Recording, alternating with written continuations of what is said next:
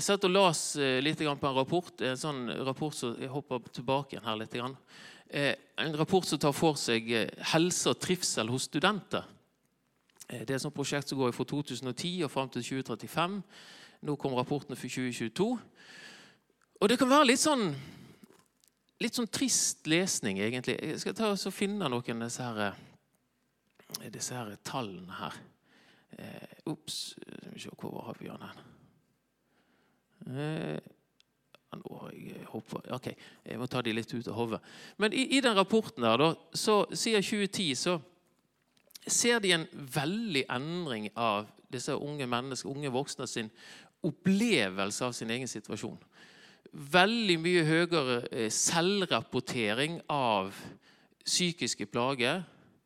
Eh, 20% har skada skadet seg sjøl på en eller annen måte. 5% har oppgitt at de har hatt eh, selvmordstanker. Eh, 50 eh, opplever til dels alvorlig da, angst for å prestere på sånne ting som eksamen. og sånn. Det er veldig mye sånne triste tall som kommer inn der. Men så har jeg en kar her, da. Professor fra Universitetet i Oslo, eh, eh, og Jakob Madsen. Det kom til et populært begrep som man kaller for generasjon prestasjon. Inntar universitetene, eller kanskje ikke. Her står det generasjon desperasjon. Eh, De er perfeksjonister, stressa, engstelige for framtida, sliter med selvtilliten. Og nå tar de høyere utdanning. Generasjon prestasjon. Men er det som ille som alle skal ha det til? Både ja og nei, sier psykologiprofessor Ole Jakob Madsen. Og Han peker på en ting. Han, han ser på masse ting som jeg ikke har tenkt å gå inn i i dag. Hvis du har lyst til å ta tak i det, så har han skrevet en bok som heter 'Generasjon prestasjon'. Eh, han heter 'Generasjon prestasjon hva er det som feiler oss'? Eh, en litt interessant bok. Eh, hvis du vil se mer på det han, de, Mange som anbefaler at alle som jobber med unge mennesker, burde lese den boken. Men én ting som han peker tak i Han sier at hele begrepet om generasjon prestasjon hviler på tanken om prestasjonssamfunnet. Og Han forklarer at i dagens prestasjonssamfunn så blir menneskeverdet knyttet til hvor godt du presterer på skole eller jobb eller i det sosiale, heller enn tidligere forestillinger om at folk er verdifulle i seg sjøl eller skapt i Guds bilde. Sier da professor eh, Ole Jakob Madsen. Og her tror jeg han peker på egentlig kjernen i hele greiene.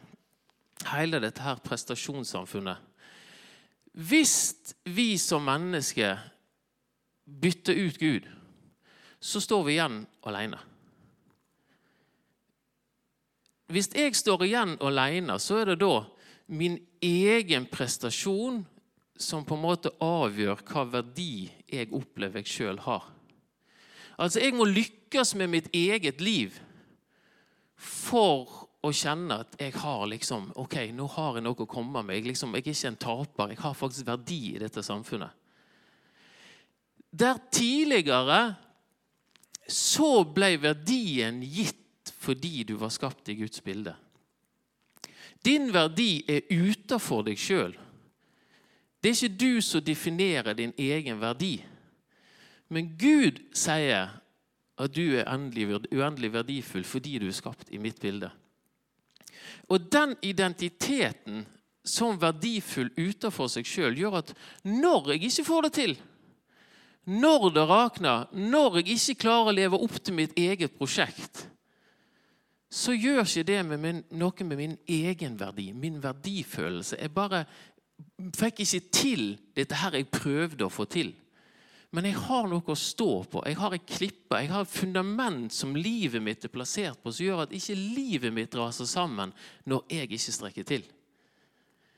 Og Her er noe av kjernen i dette her prestasjonssamfunnet. Eh, Dette her har vokst fram med oss foreldregenerasjonen. Vi, min generasjon var liksom den første sånn selvrealiseringsgenerasjonen. Vi skulle realisere oss sjøl. Der man kanskje tidligere har hatt ok, eh, jeg skal bidra med min rolle i et samfunn. Vi har et ansvar. Jeg er med i dette her. Ok, Jeg er kanskje født inn på gården. Ja, Da må jeg være med og bidra på gården. Der det der med at vi på en måte skulle bidra, det var et kollektivt prosjekt. Nå står vi mer eller mindre med et individuelt prosjekt. Og når vi ikke får det til, så kjenner vi på dette her at jeg, hvis, hvis ikke jeg klarer å prestere i dette her samfunnet, hva har jeg da? Og her er noen av kjernen i dette her prosjektet. her. Så vårt utgangspunkt er et enormt potensial til å være med og gjøre noe. Til å, om du vil, prestere. Men istedenfor at vi aksepterer at vår verdi er gitt fra Gud, så må vi prestere å eh, være verdifull, både i våre egne øyne og i andres øyne. Og så, hva skjer da når vi tar med oss denne prestasjonskulturen inn i menigheten? Eh, jeg husker ikke hvem jeg snakket med, men for en stund siden så snakket jeg med noen med hva skal menigheten egentlig være utover at vi er eh, si, Guds folk? Eh, gjennom tidene har vi sett liksom at menigheten har vært inne og dekket forskjellige behov i samfunnet. Her ser vi at det er et problem. Eh, det, det, eh, for eksempel, de som faller utenfor, blir ikke tatt vare på. Vi må ta tak i det. Sant? Forskjellig opp gjennom historien så har vi sett at menigheten har gått inn og tatt tak der det er behov for hjelp. Og Så satt jeg og snakket med noen. Hva, når, vi, vi lever i et velferdssamfunn, og alt dette greiene, hva, hva skal egentlig menigheten være for folk utover at vi skal forkynne evangeliet, utover at vi skal formidle Jesus.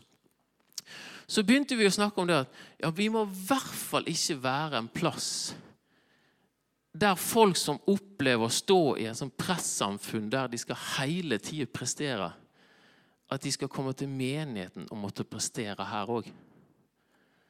Og det er, vi satt, Jeg og Lise satt og snakket litt om hjemme, litt om det der med eh, opplevelsen av å på en måte måtte være god nok for Gud. Det å, at jeg opplever at jeg må stå på så mye og være så og så aktiv. Jeg må på en måte be så mye og lese så mye og, og gjøre alle disse tingene for å være god nok. At det blir sånn prestasjonskrav. At på en eller annen måte så, så føler jeg at jeg, jeg tar liksom denne her, eh, fallskapte prestasjonsangsten, om du vil, med meg inn i mitt forhold til Gud. Og Det har jeg lyst til å, eh, å ta litt tak i her.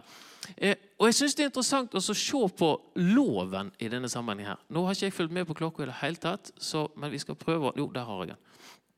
Eh, loven som kommer inn i israelsfolket, hva er egentlig det?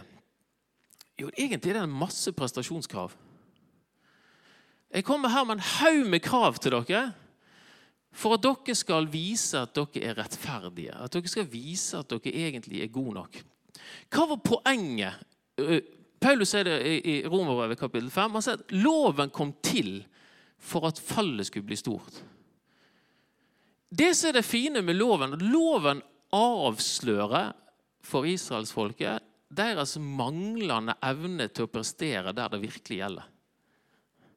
Det er ganske interessant at Gud hiver på dem et umulig oppdrag for å vise at dette får dere ikke til. Så kan du tenke at ok, eh, i all verden var dette her for noe?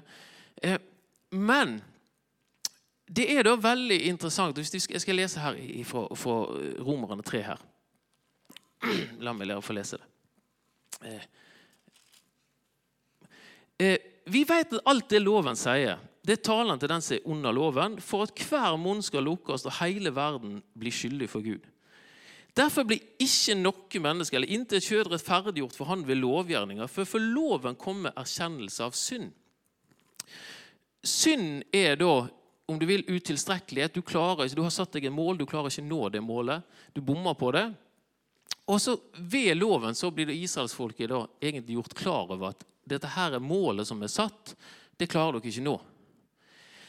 Det sier Paulus var egentlig hele poenget med loven. og Derfor kommer loven da til å bli satt til sides når det kommer en ny og en bedre lov. Ok.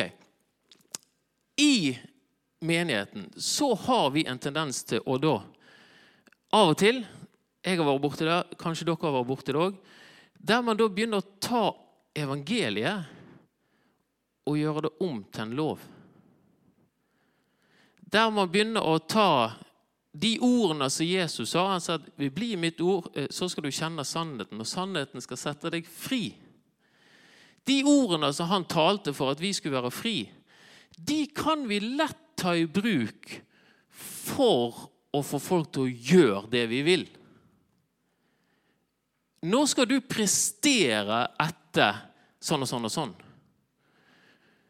Gå ut og gjør nå, nå, må du prestere her. i forhold til, Nå tar jeg og sier men dette her har Jesus sagt. Nå får du pike det med ta det sammen og gå ut og være med på prosjektet. her. Så begynner vi også å gjøre dette her om til bud. Hva sier Paulus? Han sier bokstaven slår i hjel, mens ånden gir liv. Hva er det som er drivkraften i det som Jesus gjør på korset? Er det at Gud sier at 'dette her skal du gjøre'? Eller er det Jesus sier at 'dette vil jeg gjøre'? Jesus sier at 'jeg legger ned mitt eget liv' fordi jeg ser på alle disse herre folkene. Og jeg ser det behovet. Jeg ser de som får uten hyrde. Og han ser alt mulig eh, uttrykk som han kommer med. Og så legger han av sitt eget, og så blir han en tjener for menneskeheten for å dekke behovet for frelse. Ikke fordi at det kom en eller annen befaling som sa at han skulle gjøre det. Men jeg sier at i kjærlighet så ser jeg et behov for menneskeheten som bare jeg kan fylle. Og Der har jeg lyst til å lage et skille. Hvis da, istedenfor at vi er fokusert på at ok, eh, jeg, jeg, må prestere et eller annet i menigheten, jeg, jeg må liksom få til noe Da Gud ikke egentlig er interessert i prestasjonen vår i det hele tatt, til at vi flytter fokus over på Gud, jeg ser at det er noen mennesker som trenger meg. Hvordan kan jeg være med og nå eller hjelpe de i deres behov? Da er man kjærlighetsmotivert, ikke prestasjonsmotivert. Man hjelper fordi man ønsker å hjelpe, ikke for å få anerkjennelse i andres eller eget sitt liv. Ikke for at jeg skal få et eller annet slags greie på eh, rullebladet mitt at jeg har vært snill og god. Men i kjærlighet så ser jeg at ok, nå er det et eller annet som jeg kan by meg til. Jeg har kapasitet til å gjøre det, jeg har egenskaper til å gjøre det, jeg har eh, evner til å gjøre det, og jeg går inn og gjør det fordi at jeg ønsker å være en tjener for mennesket. Da er det ikke, Dette prestasjonsbiten den er liksom ikke relevant. Og så er det noe sånn, og det er litt sånn eh, jeg må innrømme det er litt sånn frustrerende. Eh, vi har en tendens til å hoppe fra ene grøfte til andre. Jeg og Børge snakket litt om det, at det er Hvor vanskelig det er å holde oss på veien. Sant? For da blir enten ja, men da trenger jeg ikke gjøre noe som helst, for det at jeg er verdifull for Gud uansett. så da trenger jeg ikke gjøre noe, Eller så har du andre grøfter. ja, men Nå må vi gjøre alt med himmel gjort for det at Gud har behov. Men altså Ta Jolaug her, så tar med si eh, hofta opp her og er med og tjener oss. Hadde Gud vært irritert på Olef hvis han sa at jeg har så vondt i hofta at jeg orker ikke gå på den scenen i dag? Hadde Gud vært irritert på Jolev av det? Selvfølgelig ikke. Hvis, du, hvis vi ser sant, eh, Svigermor, nå tar jeg de her. Svigermor har masse greier og, og nakke. og eh, sant, Det er ting som har kommet i løpet av et liv. Er Gud irritert på, på Margunn for at hun har en redusert kapasitet pga. migrene og sånne ting? Selvfølgelig ikke! Men i, for i det hun har, så ønsker hun å være med og tjene oss. Og det der også kommer over ifra at ok, jeg skal ikke få til et eller annet og prestere for noen. og Jeg skal ikke liksom føle meg på mindreverdig fordi jeg ikke klarer å prestere. Men det jeg har, det gir jeg til deg. Med mine feil og mangler og manglende kapasitet og hele greiene. Mens vi har en tendens til å gå og forvente av hverandre at alle skal liksom prestere der oppe. For det er der samfunnet sier vi skal være. Hvis ikke alle er med liksom å kjøre det der nivået der, ja, da blir vi litt sånn For det er jo der det er der vi skal prestere. Vi skal strekke oss der oppe etter de kravene som samfunnet legger på oss. Og så sier Jesus, 'Kom til meg, alle dere som sliter tungt å bære.' Og jeg skal gi dere hvile. Det, også, det lærte jeg av en. Jeg var på et seminar med en kar, en pastor fra Hawaii som var gått på en kjempesmell. Han skjønte ingenting. Han var ute og jogget en dag, og så plutselig fant han seg selv at han satt på fortauet og grein. og han skjønte ingenting. Da var han gått på en kjempesmell, og han eh, sa at nå trenger jeg hjelp. og få til en psykolog, og han Psykologen sa da rett og slett at du må ta et halvt år fri. Du har kjørt forbi alle faresignaler som kroppen har opp til deg. Nå må du bare koble helt ut. Og Da begynte han å tenke hva i verden, Gud, hva kan jeg lære av dette her? Og så viste Gud han at når han jobber, så jobber han ut ifra hvile. Det var utgangspunktet. Han hvilte, og så begynner uka. Den første dagen er egentlig hviledagen, og så begynner uka. Og det at vi kan si at ja, men jeg vil tjene mennesker rundt meg ut ifra en tilstand av hvile, ikke fra krav. Ut ifra en tilstand av kjærlighet, ikke prestasjonspress. Og så vil jeg gjøre så godt som jeg kan med de egenskapene og talentene jeg har. Og Når vi da kommer over i ok, Prestasjonssamfunnet eksisterer ikke i Guds rike. Dette her er kravet som vi legger på oss, kommer ikke fra Gud. Det Gud ønsker å gjøre, det er å fylle våre hjerter med kjærlighet sånn at av omsorg vi ser på verden med Jesus sine øyne, så ønsker vi å bidra. Så kan jeg kjenne på at OK en, en, en, eh, eh, Vi var ute her på slapp jeg heldigvis å sove i hengekøy. Jeg var blitt forkjølt. Men sånn, eh, Vi var ute med søndagsskolen her på Bigger en tur. Og så kan du kjenne på at ja, akkurat den lørdagskvelden der så hadde det vært veldig fint å sitte foran TV med en cola og en chips istedenfor å henge ut i ei potensiell hengekøy i åtte grader. Eh, men min kapasitet der og da var sånn at dette her kan jeg godt gjøre. Eh, jeg tar et valg ut ifra at jeg ser det er et behov. Jeg kan være med og fylle det behovet. Man trenger noen som sover ute i denne hengekøya sammen med de gutter eller jentene som ønsker å gjøre det. Ja, men det kan jeg godt gjøre.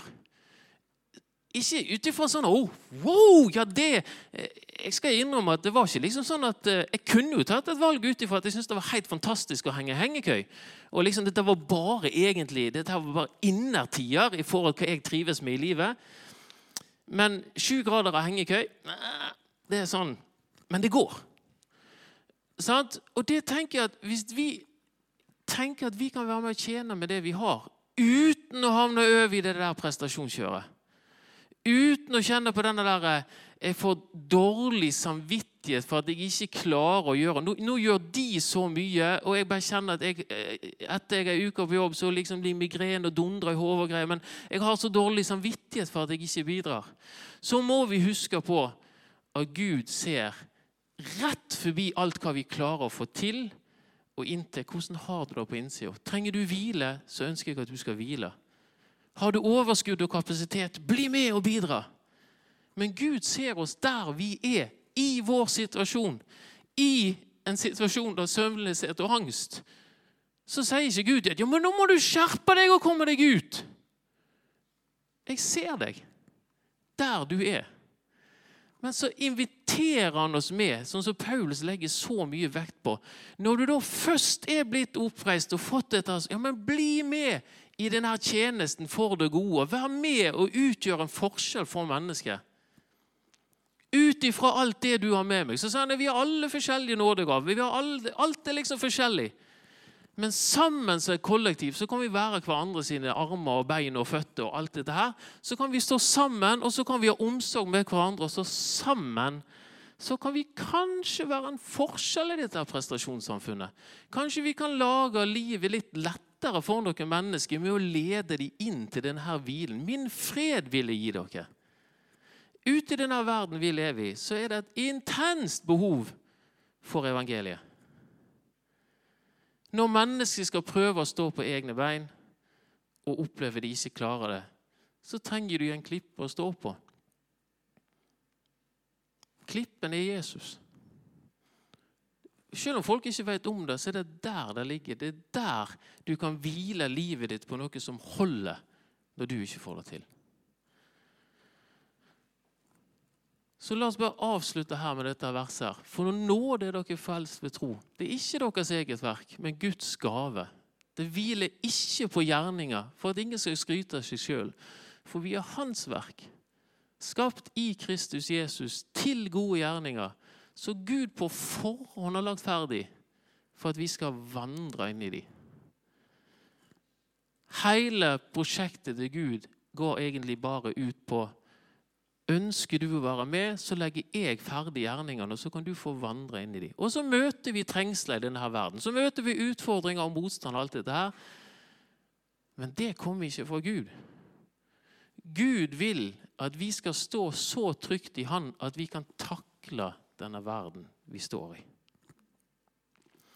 Så hvis du kjenner på at uh, denne her, hva skal du si, prestasjonstrykket Ja, selvfølgelig, vi kan være nervøse for å holde en tale, eller vi kan ønske å gjøre det bra på jobb. eller alt sånt. Dette her har ikke med det å gjøre, dette har med et identitetssak å gjøre. Og Hvis du kjenner at de to der blander seg sammen litt av og til, at du ikke er god nok fordi at du ikke fikk det til, eller du setter nivået så høyt for deg sjøl at du aldri klarer å bli god nok, eller du opplever at andre setter nivået så høyt at du aldri klarer å bli god nok Hvis du kjenner at jeg trenger å ha fred i livet mitt, jeg trenger ro, jeg trenger å hvile, sånn at jeg kan stå i den livet jeg eh, lever uten å ha skuldrene der oppe. Så vær med og be for og med hverandre her. Margunn, kan du komme her? Og så lager vi en liten sånn forbundssetting her nå. At vi skal få kjenne Guds fred senke seg i dette her prestasjonskjøret. Så hvis det er noen som ønsker sånn forbønn, så kan vi gå bak i hjørnet der. Snakk gjerne sammen med sidemann, eller eh, hvis du er trygg på noen du sitter ved siden av. Så tar vi litt tid, og så ber vi for og med hverandre. I forhold til at vi som menighet skal være da en Hva skal du si? Eh, om du ikke vil kalle det motvekt, men vi skal være en plass der du kan senke skuldrene. Kjenne at her slipper jeg å prestere. Her kan jeg være meg sjøl. Her kan jeg kjenne at det er godt å være. Her kan jeg få et fellesskap som kanskje gir meg et større grunnlag for å stå i hva verdens slags press du står i ute i hverdagen. Amen.